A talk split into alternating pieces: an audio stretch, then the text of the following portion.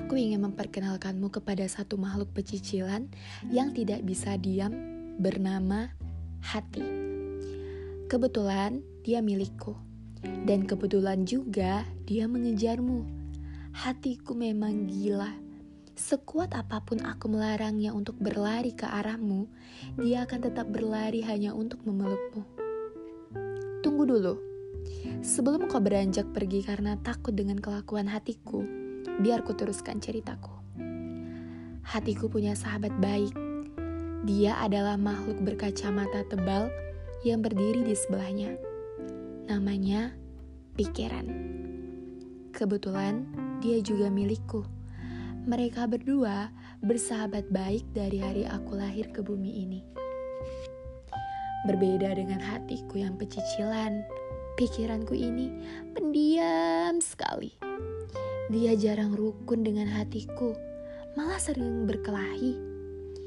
Alasan perkelahian mereka kali ini tentu saja karena hatiku ingin berlari ke arahmu dan pikiranku kurang setuju.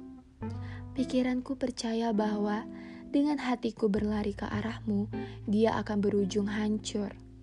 Pikiranku yang sayang pada hatiku tidak ingin sahabatnya itu hancur. Sebentar, izinkan kami berunding. Jangan dulu pergi, aku mohon.